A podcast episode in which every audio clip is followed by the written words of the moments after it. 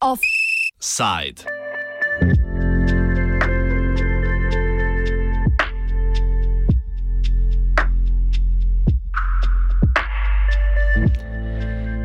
Večini svetovne populacije dan danes skrbi povzroča spopadanje s posledicami epidemije nova, novega koronavirusa.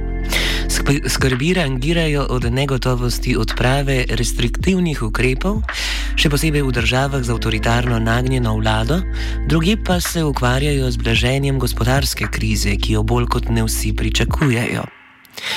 Nekatere države to preokupacijo s krizo in seveda prepovedjo javnega gibanja in zbiraja, zbiranja izkoriščajo za uresničitev lastnih agent.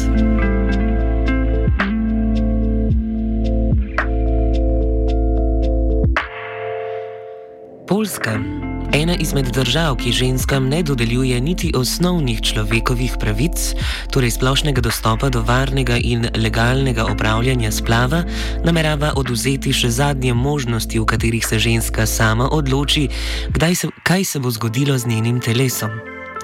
Splav je na polskem trenutno dovoljen v treh instancah. Če je zarodek poškodovan ali nosečnost grozi zdravju matere, in če je zarodek posledica posilstva ali incesta. Pred vlado se je znašel predlog zakona, ki bi onemogočil opravljanje legalnega splava na polskem v primeru okvare fetusa. Tako bi bila ženska primorana roditi otroka, ki je tako ali tako obsojen na smrt. Danes je vlada o zakonu glasovala. Ni bil zavrnjen, prav tako ni bil potrjen. Poslale so ga v revizijo in bodo o njem ponovno odločali.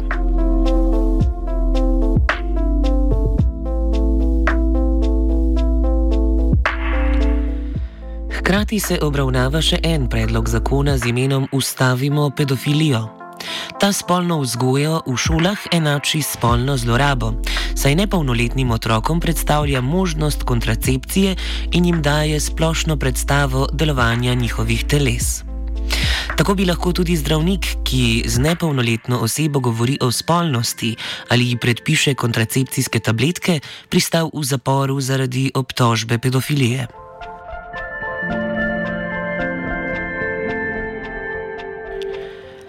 O zdajšnji zakonodajni ureditvi splava in spremembah, ki bi jih prinesel obravnavani zakon, spregovori profesorica sociologije na univerzi, univerzah v Varšavi in Sodrčrnu, Ela Korolčuk. There, there were two pieces of legislation debated um, yesterday and today. One concerns the um, um, changes in uh, law concerning um, access to abortion, the termination of uh, pregnancy, and the second concerns sexual education. Um, as to abortion, in Poland, abortion is now um, illegal, it is forbidden, and there are two, three exceptions which allow women to seek legal abortions. One is um, uh, the danger to women's health and life, the second exception concerns um, serious and irreversible um, malformations in the fetus, and the third, uh, rape or incest. So the uh, law proposal discussed in the parliament um, would make the second exception. Um, they would basically get rid of the second exception. That means that women who carry pregnancies in cases where the where there is a high risk of the fetus being seriously and irreversibly damaged would have to carry those pregnancies to term. Um, concerning that in Poland, um, legally only a handful, like up to 700 women terminate their, their pregnancies every year. That means that that would, and most of them 99% um, have access to legal abortions because of the malformations in the fetus. That means that uh, if the law would be accepted and implemented, in practice, women in Poland would have no access to termination of pregnancy at all.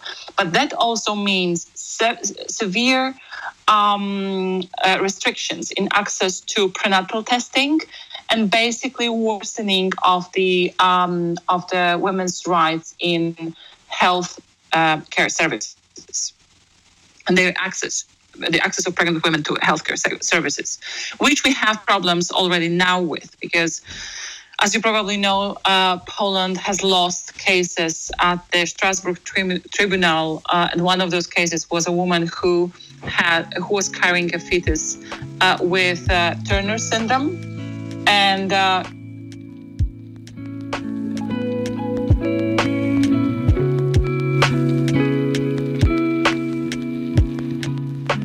Takrat je bila Poljska, ki zaradi restriktivnih zakonov noseči ženski ni omogočala pridobiti ginekološkega potrdila o okvarju fetusa in je bila ta prisiljena donositi obtožena nehumanega ravnanja, enačenega z mučenjem. Takih primerov bi po tem zakonu bilo na stotine. Ideja zakona je torej, da bi ženske morale vseh devet mesecev nositi otroka, ga roditi in pokopati, preden sploh pridejo iz porodnišnice. Razlog za predlog tega zakona razloži članica Društva Kultura Liberalna, filozofinja Emilija Kačmarek. Uh, they are saying that um, mm, that they are um, the reason uh, of uh, such a change is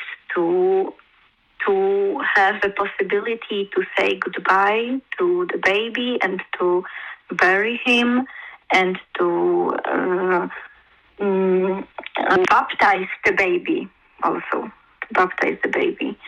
So those um, th- those reasons are of course related to uh, to the Catholic uh, faith uh, of uh, of those who propose this this change in law, but also they are um, uh, they are also uh, they also argue that the law should be changed because it allows uh, women to terminate the pregnancy also in the case of Down syndrome diagnosed uh, uh, during the pregnancy.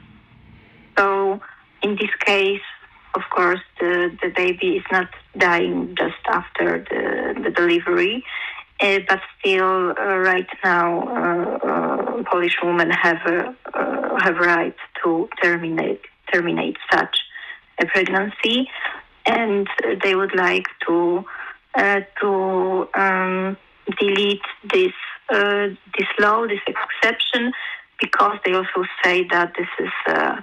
Um, they don't want to discriminate uh, disabled people Obravnava zakona prihaja v času, ko sta prepovedana javno zbiranje ter prosto gibanje, čeprav to ni bil nujno načrt vlade. Predlog zakona je namreč sad civilne pobude. Novi koronavirus pomeni, da je vsaka oblika fizičnega protesta otežena. Vseeno so na socialnih omrežjih usklili mnogi spletni protesti. Več aktivistka Zuzana Djuban. No, totally disgusting, but uh, but they were also legally uh, funded to, to discuss it at the moment because the, the new parliament has the uh, responsibility to discuss the uh, citizen project uh, projects within the six months of the of the new uh, currency. But of course, this was a very difficult moment, exactly because people are not able to protest as they would um, be in in non pandemic times, but they're actually uh, were many protests going on, many very beautiful initiatives all over Poland. People were queuing with, with the signs of protest with umbrellas. So even though it is theoretically impossible, people went to the streets and protested. And this is very empowering, actually. Drugi obravnavani zakon bi izničil delavnice varne spolnosti v šolah, saj enači pozitivno naslavljanje spolnosti pred nepolnoletnimi s pedofilijo. To pomeni, da bi vsakemu, ki bi omogočal spolno vzgojo, grozila tri leta zapora.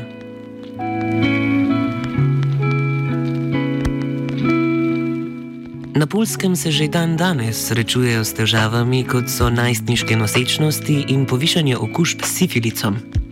Prostovoljka organizacije Ponton Finka Heiniman meni, da se bodo te tegove samo poslabšale. Yes. Well, this, uh, this generally means that uh, there will be a restriction on sex ed in general. We do have uh, we do have some um, sex ed in schools, but it's even not called sex education or sexual education.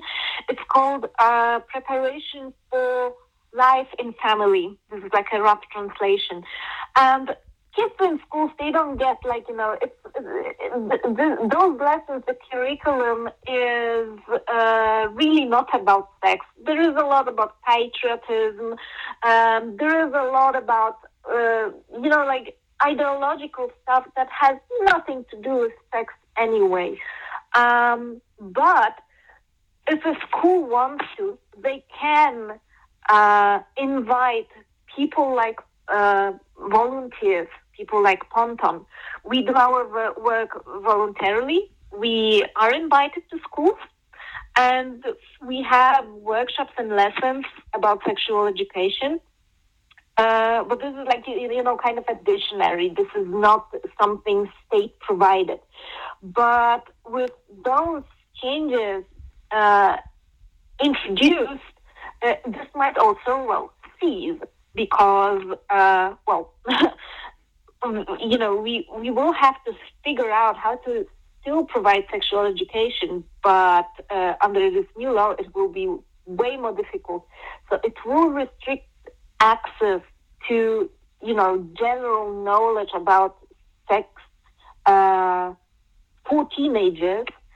And uh, we kind of, we don't, we cannot predict how this will impact uh, teenagers or kids in general, but we know already what's happening if young people do not have proper access to sex education. So we can assume that uh, further restricting this access will cause everything that is a problem now just to become bigger. So in this case, it means yes, teen pregnancy also, which is very important, uh, STIs. Uh, this is also something that's happening right now in Poland. We do have a, um, well, maybe out, outbreak is too big of a word, but we do have an increase in syphilis cases. Syphilis is how it's called. So, uh, yeah, we do expect that with this law in place, uh, we will have more teen pregnancy, also probably more violence uh, and sexual violence of many kinds, and uh, also uh, an outbreak in uh, various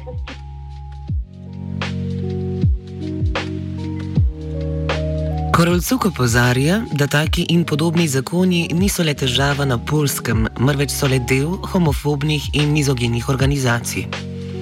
I, think that there are two things which are very important to understand. One is that uh, this um, this legislation, this um, these types of law proposals, are continuously uh, proposed and promulgated and propagated by ultra conservative organizations, which of course are located in Poland, but which have um, many connections with. Similar organizations in United States, in Eastern Europe, in Russia, and also in Western Europe. So this is a much broader anti-gender, anti-LGBT uh, movement that we deal with today. Uh, and this movement often uh, tries to position itself as pro-family movement. But pro-family orientation has been a code word for uh, homophobia and misogyny and misogyny, right?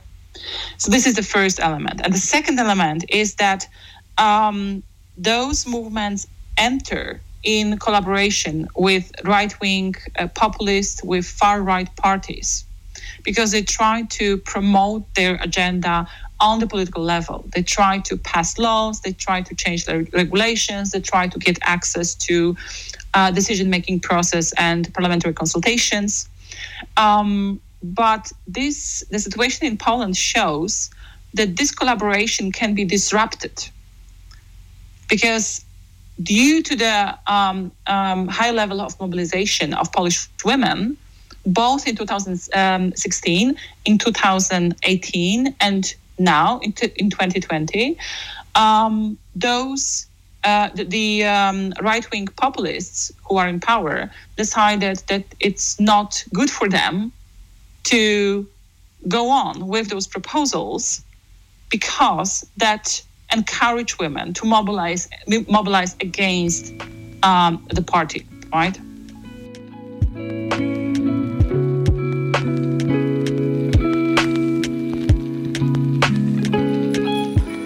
Vzpodbudno je tudi javno mnenje. Več kot polovica državljanov podpira liberalizacijo dostopa do splava. A štejejo glasovi na voliščih, kjer pa je vladajoča ultrakonzervativna opcija oktobra osvojila skoraj 45 odstotkov glasov.